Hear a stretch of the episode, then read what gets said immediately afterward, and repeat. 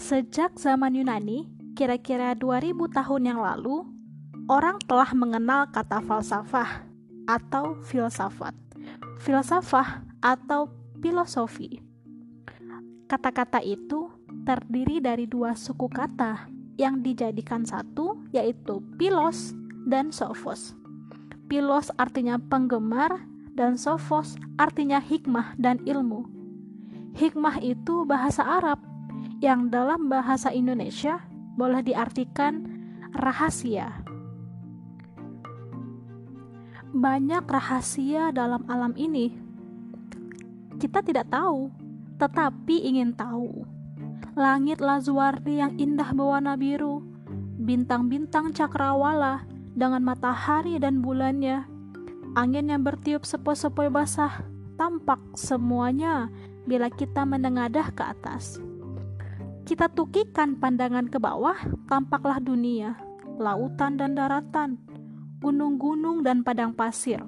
Hujan turun membasahi bumi, maka hiduplah bumi sesudah matinya. Burung-burung terbang dari dahan hingga ke dahan. Demikian juga binatang, marga satwa, dan hidup di dalamnya. Lalu terlihat pula bangsa manusia sendiri, hidup bermasyarakat, berpuak-puak. Ibu menyusukan anaknya, ayah mencarikan makan, maka terlihat pulalah diri sendiri dengan keajaiban dan keindahannya.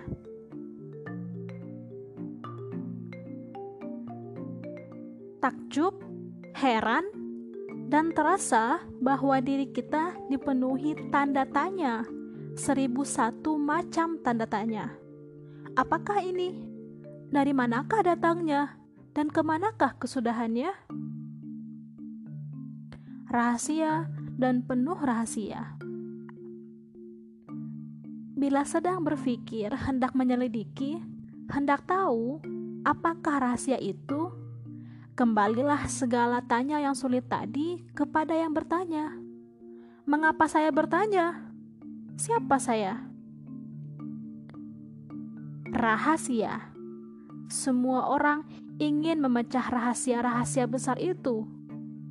Sebab itu, dapatlah dipastikan semua orang pada hakikatnya adalah calon filosof, meskipun hanya sedikit sekali yang akhirnya menjadi filosof.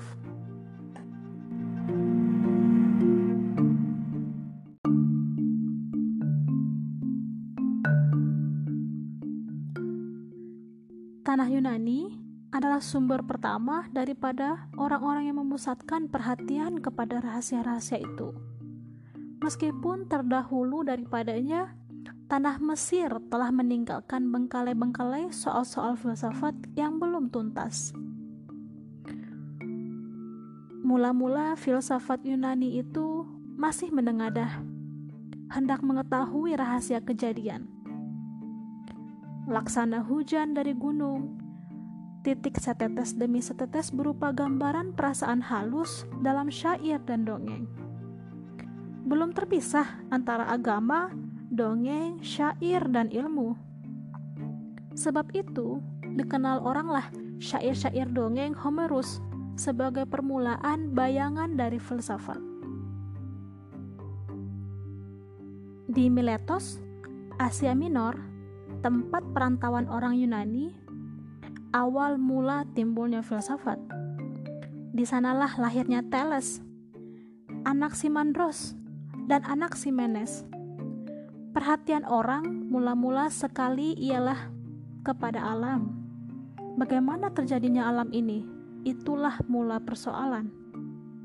Hampir 200 tahun lamanya sejak zaman Thales sampai ke zaman Demokritos edaran perbincangan filosof-filosof itu ialah tentang alam.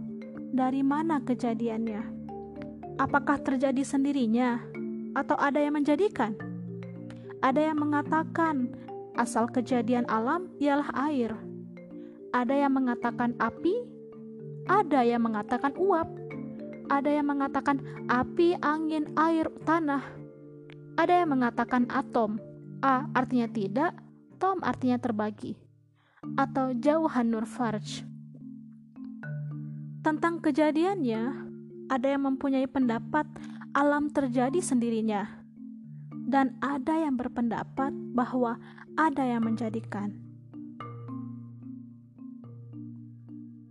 Setelah puas mencari rahasia itu, barulah timbul seorang filosof luar biasa yang tidak lagi hendak menengadah ke atas, tetapi mengajak sesama filosof mengupas satu soal yang lebih besar dari segala soal itu, yaitu kita ini siapa?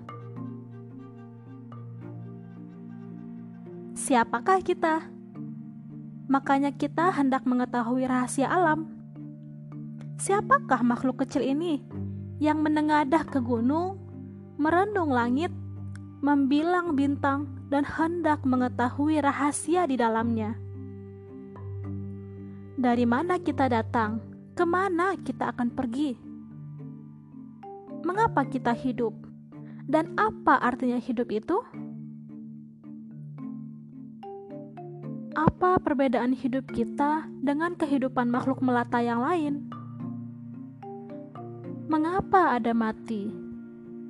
Apa artinya mati? Ke mana perginya yang berkata dan berpikir kemarin? Aku ada. Apa artinya aku?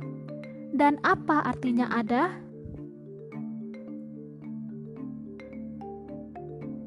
Lebih hebat rupanya soal ini daripada soal alam yang dilihat oleh Thales dan oleh filosof yang sesudahnya. Nyatanya lah, setelah diselidiki berlama-lama, sifat-sifat rahasia yang ada pada insan tidak kurang pentingnya daripada yang ada pada alam. Maka keluarlah sari filsafat insan adalah alam yang kecil dan alam adalah insan yang besar.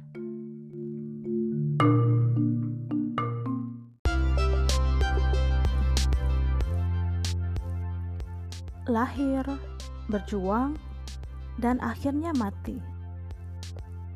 Demikianlah kita menjalani hidup. Namun, hidup dengan varian rasa yang bagaimana? yang akan kita jalankan.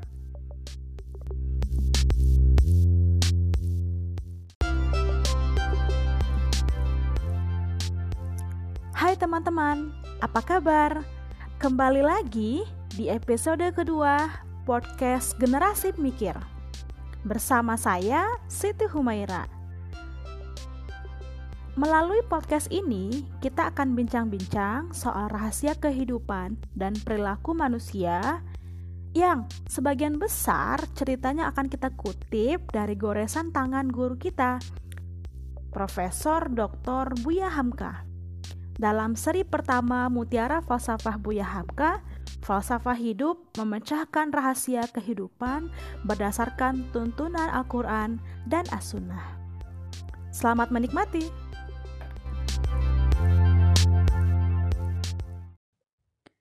Terakhir, pada episode pertama, kita sampai kepada kesimpulan insan adalah alam yang kecil dan alam adalah insan yang besar. Filosof yang mula-mula membawa soal dari langit ke bumi atau dari alam ke insan itu adalah Socrates. Beliau pula yang mula-mula menggelari dirinya sebagai filosof dengan gelar yang lebih bersahaja, yaitu penggemar hikmah. Itulah sebabnya ahli filsafat sampai berkata, beberapa lamanya filosofi tergantung di langit, sampai akhirnya Socrates datang, mengaitnya dan diturunkannya ke bumi. Sekeren itu ya Socrates. Pada Makbad Delphi, beliau bertemu sebuah tulisan. Kenalilah dirimu. Lalu beliau menjadikan tulisan itu sebagai semboyan filsafatnya. Panjang dan berbelit-belit pula lah soal yang timbul bila kita mengkaji itu. Apa yang wajib dikerjakan? Apa yang wajib dijauhi? apa yang baik, apa yang buruk. Lalu timbullah satu cabang filsafat yang bernama etika atau akhlak atau budi. Bagaimanakah hubungan diri dengan masyarakat? Timbul ilmu masyarakat atau disebut dengan sosiologi. Kemudian, bagaimana mengatur supaya masyarakat yang hidup bersama dan berkepentingan bersama supaya tidak beradu dan bertumbuk. Dan bagaimana pimpinannya? Maka timbullah yang namanya ilmu politik. Demikianlah hal diri manusia yang mula-mula disuruh mengenal oleh Sokrates, diperpanjang oleh muridnya Plato, dan dilanjutkan lagi oleh muridnya Aristoteles. Berpanjang-panjang, berlarut-larut, hingga Iskandar Macedonia berperang menaklukkan negeri Mesir, Persia, dan Hindu. Sedang beliau adalah murid dari Aristoteles. Di tanah-tanah timur telah ada kepercayaan agama. Agama Yahudi, dan agama-agama yang lain telah menunggu di timur. Agama mengemukakan hati dan filsafat adalah latihan otak. Dari bekas pengembaraan Iskandar, bertemulah otak dan hati di pantai Iskandaria, di tepi Laut Merah itu. Kemudian timbullah mazhab filsafat yang terkenal, yaitu Neoplatonisme. Demikianlah terus-menerus, filsafat tidak akan berhenti selama manusia masih berpikir. Selama manusia masih bertanya, selama batin manusia masih merasa adanya rahasia itu. Dari Yunani ke Iskandaria, pindah ke negeri Romawi, pindah ke tanah Arab di zaman kejayaan Daulat Iskandaria, sampai gurup cahayanya. Kemudian datang zaman Renaissance di benua Eropa sampai zaman sekarang ini. Beratus-ratus bintang pemikir telah timbul, berbagai soal dibicarakan, dan tidak pernah putus-putus. Satu cabang dari rahasia yang dibongkar itu soal hidup dan hakikatnya. Sokrates yang memulai, sampai kepada Descartes, Schopenhauer, Leo Tolstoy, dan lain-lain. Hidup tegak laksana gunung yang tinggi. Mereka memandang dari tempat tegaknya masing-masing. Sebahagian rahasianya diperoleh seorang dan sebahagian ditemukan oleh yang lain. Menjadi mata rantai membantu jalan pikiran manusia dan kemanusiaan seluruhnya. Kadang-kadang bersimpanglah di antara filsafat dengan agama. Maka timbullah filsafat yang hanya menilik alam dan tabiat yang lahir saja atau materialisme dan kadang-kadang tibalah dia di satu perbatasan jalan. Ada rupanya di balik perhatian dan perbatasan itu. Tapi pikiran tak sanggup lagi menyeberang ke sana. Itulah yang bernama mawartabiyah atau metafisika. Maka setengahnya sampai di sana dia tunduk dan merasa telah berhasil. Maksudnya, tidak berhasil itulah yang sebenarnya keberhasilan. Di sanalah kesatuannya segala rahasia yang berbelit itu.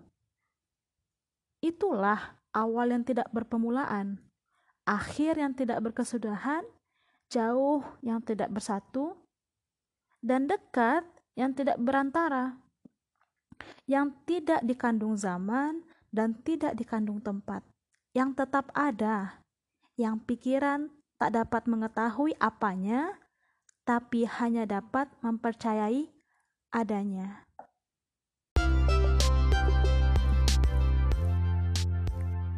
Orang yang berpikir materialistis, yang hanya memperedarkan filsafat pikirannya terhadap benda, dan memandang segala sesuatu itu hanya benda belaka yang berpendapat kekuatan yang jelas itu bukanlah menguasai perjalanan benda, tetapi hendaklah yang menghasilkan kekuatan.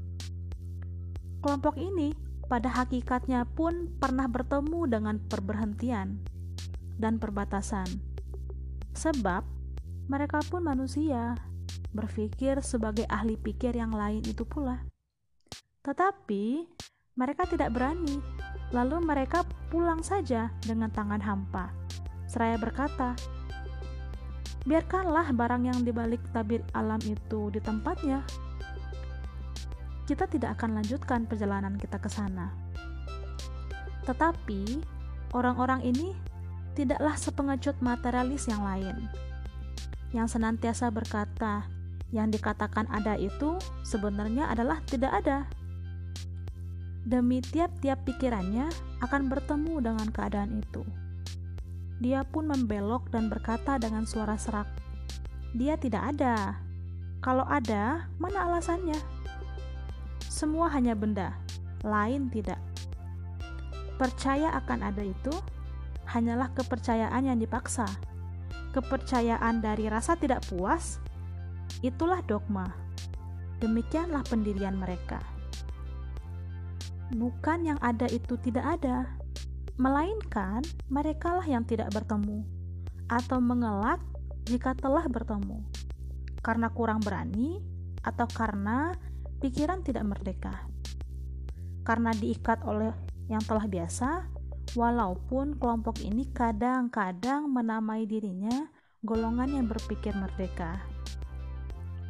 Suatu masa, dalam kalangan kaum muslimin sendiri, timbul kelompok yang tidak menyetujui pemakaian filsafat untuk tuntunan berpikir.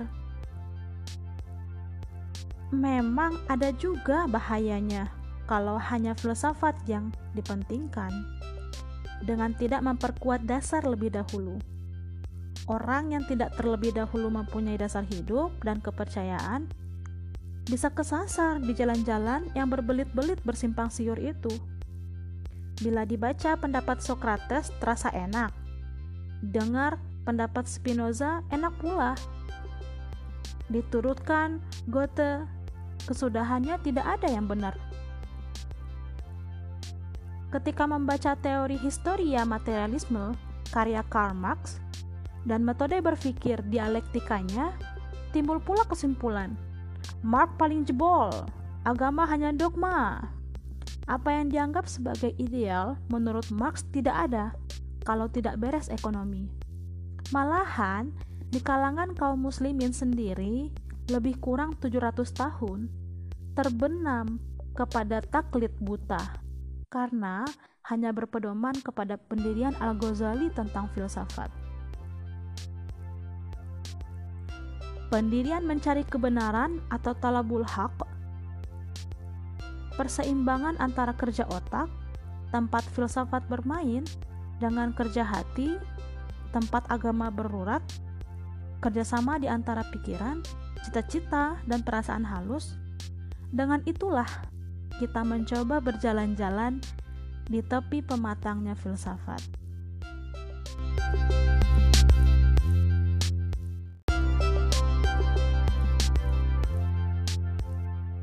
Agama Islam dari sumbernya yang asli, yaitu Al-Quran, adalah pembelah filsafat.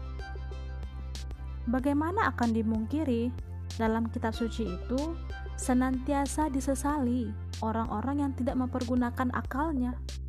Tidakkah kamu gunakan akalmu? Tidakkah kamu pikirkan? Ambil pembandingnya lah, hai orang-orang yang mempunyai pandangan. Begitulah kata-kata di dalam Quran dan banyak lagi. Beratus-ratus ayatnya untuk mengetuk pintu kesadaran pikiran.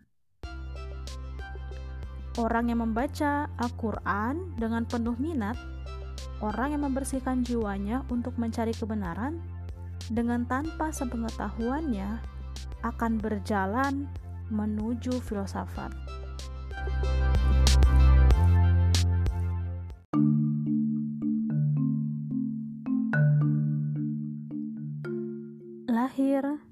Berjuang, dan akhirnya mati. Demikianlah kita menjalani hidup.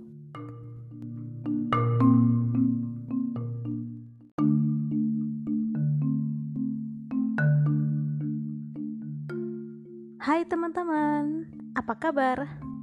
Kembali lagi di podcast Generasi Mikir episode ketiga bersama saya Siti Humaira. Melalui podcast ini, kita akan bincang-bincang soal rahasia kehidupan dan perilaku manusia yang sebagian besar ceritanya akan dikutip dari goresan tangan guru kita, Profesor Dr. Buya Hamka.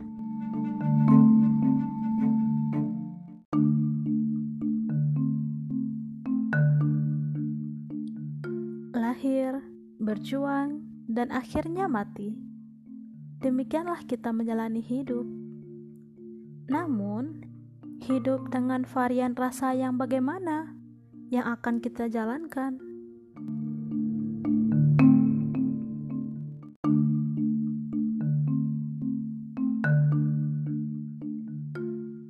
Agama Islam dari sumbernya yang asli, yaitu Al-Quran, adalah pembela filsafat. Bagaimana akan dimungkiri dalam kitab suci itu senantiasa disesali orang-orang yang tidak mempergunakan akalnya. Beratus-ratus ayat dihadirkan untuk mengetuk pintu kesadaran pikiran. Orang yang membaca Al-Quran dengan penuh minat, orang-orang yang membersihkan jiwanya untuk mencari kebenaran, dengan tanpa sepengetahuannya akan berjalan menuju filsafat. Di dalam surat Al-Ghasyiyah ayat 17 sampai 20 menjelaskan, apakah mereka tidak melihat kepada unta? Betapa ia dijadikan dan kepada langit betapa dia diangkatkan. Dan kepada bukit-bukit betapa ia ditancapkan dan kepada bumi betapa ia dihamparkan. Amat menarik perhatian apa yang tersebut dalam surat Ali Imran ayat 190. Sesungguhnya pada kejadian semua langit dan bumi dan pergantian malam dan siang adalah menjadi bukti bagi orang yang mempunyai sari pikiran. Dengan tuntunan sebagaimana tersebut di dalam ayat ini, penerawanglah pikiran manusia di jalan cakrawala luas ini berpuluh, beratus, dan beribu tahun sampai ia bertemu dengan hakikat itu. Di sana pikiran terhenti dan tunduk, maka timbullah ingatan kepadanya. Orang-orang yang ingat akan Allah, waktu tegak dan waktu duduk, ya Tuhanku, tidakkah Engkau jadikan semuanya ini dengan sia-sia? Amat sucilah Engkau, perihalah kami daripada siksa neraka. Quran Surat Ali Imran ayat 191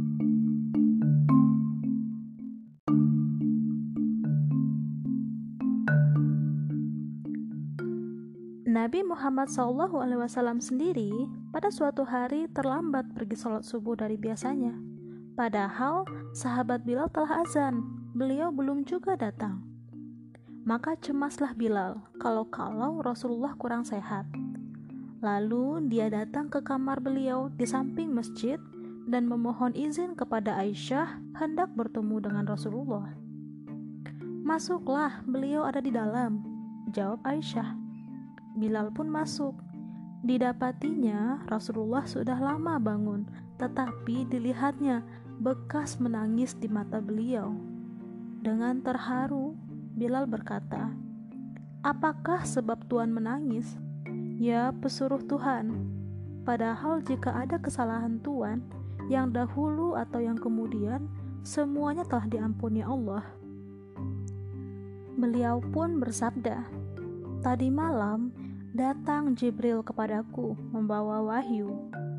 Sesungguhnya pada kejadian semua langit dan bumi dan pergantian malam dengan siang adalah menjadi bukti bagi orang yang mempunyai sari pikiran. Ayat itu terkandung dalam surat Ali Imran ayat 190. Akhirnya, beliau berkata, sambil melangkahkan kakinya menuju masjid. Celakalah orang yang membaca ayat ini, hanya semata-mata membaca dengan tidak memperhatikan kandungan di dalamnya.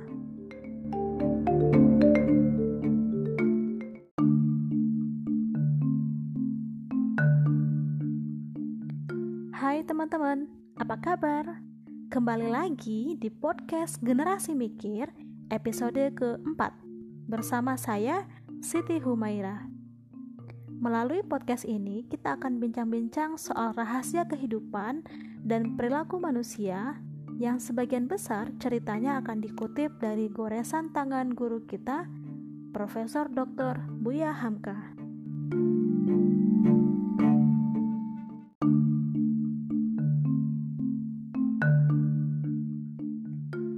Bila kita baca pada surat Az-Zariyat ayat 20 sampai dengan 22, jelas terbentang tiga pokok tempat beredar filsafat. Bumi tempat manusia hidup, manusia sendiri, dan langit. Dan pada bumi adalah bukti orang-orang yang yakin pada ayat 20 dan pada dirimu sendiri apakah tidak kamu pandangi ayat 21 dan pada langit rezekimu dan apa yang dijanjikan buat kamu. Ayat 22. Dengan jiwa filsafat, ketika membaca ayat-ayat ini, terbayang usaha kemanusiaan dan pikiran manusia dari zaman ke zaman hendak mengetahui rahasia. Dengan hati yang tafakur, jauh daripada sombong dan takabur, sehingga berpadulah antara keinginan manusia hendak tahu itu dengan tuntunan dari kekuasaan besar itu. Selaraslah jalan filsafat dengan agama atau tidak berpisah lagi. Berhenti pikiran di mana patut ia berhenti, lalu menyerah dan memohon ilham, sebagaimana dinyatakan oleh Ibnu Sina. Dengan membaca ayat itu, terbayang Thales yang memikirkan asal alam Terbayang Sokrates menyuruh mengenal diri. Terbayang pula suatu lukisan tangan Rafael di gereja Vatikan yang menggambarkan Plato sedang menunjuk ke langit, isyarat kepada alam cita-cita yang diinginkan oleh kemanusiaan. Sedang di sampingnya berdiri muridnya Aristoteles yang menunjuk ke bumi, mengisyaratkan bahwa di bumilah di dalam budi yang mulia atau etik dan di dalam masyarakat yang teratur atau politik terletak cita-cita itu.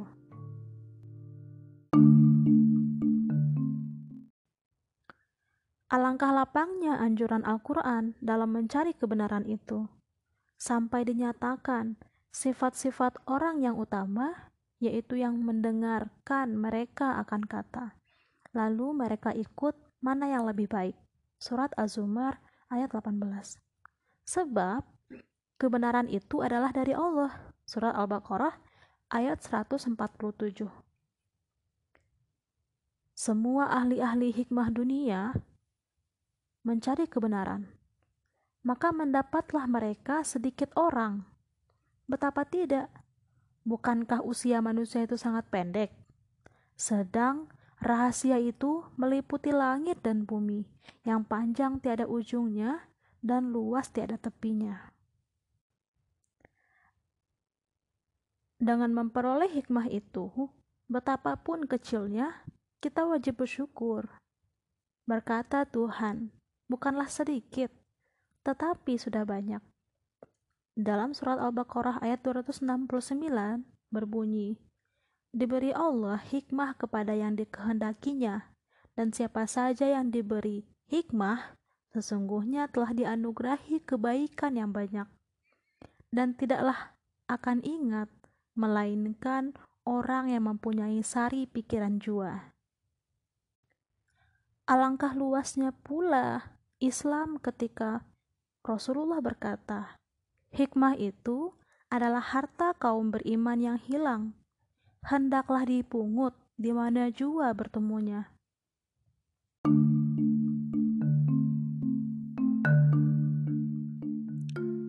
Oleh sebab itu, Ketika kaum muslimin mencapai tamadun atau kebudayaan yang tinggi, pada zaman Al-Mansur, Harun ar-Rasyid, dan Al-Ma'mun, dengan percaya akan ketinggian agama Islam, para pujangga dan filosof muslim menyalit kitab-kitab filsafat Yunani ke dalam bahasa Arab. Demikian juga bahasa-bahasa yang lain dengan tidak memandang agama apa pun juga, hingga menjadi kekayaan yang gilang gemilang untuk membentuk kebudayaan Islam. Sampai timbul bintang-bintang filsafat Islam yang besar, seumpama Ar-Razi, Al-Farabi, Ibnu Sina, Al-Ghazali, Ibnu Baitar, Jabir bin Hayyan, Ibnu Rushid, Ibnu Tufail, Ibnu Khaldun, dan lain-lain.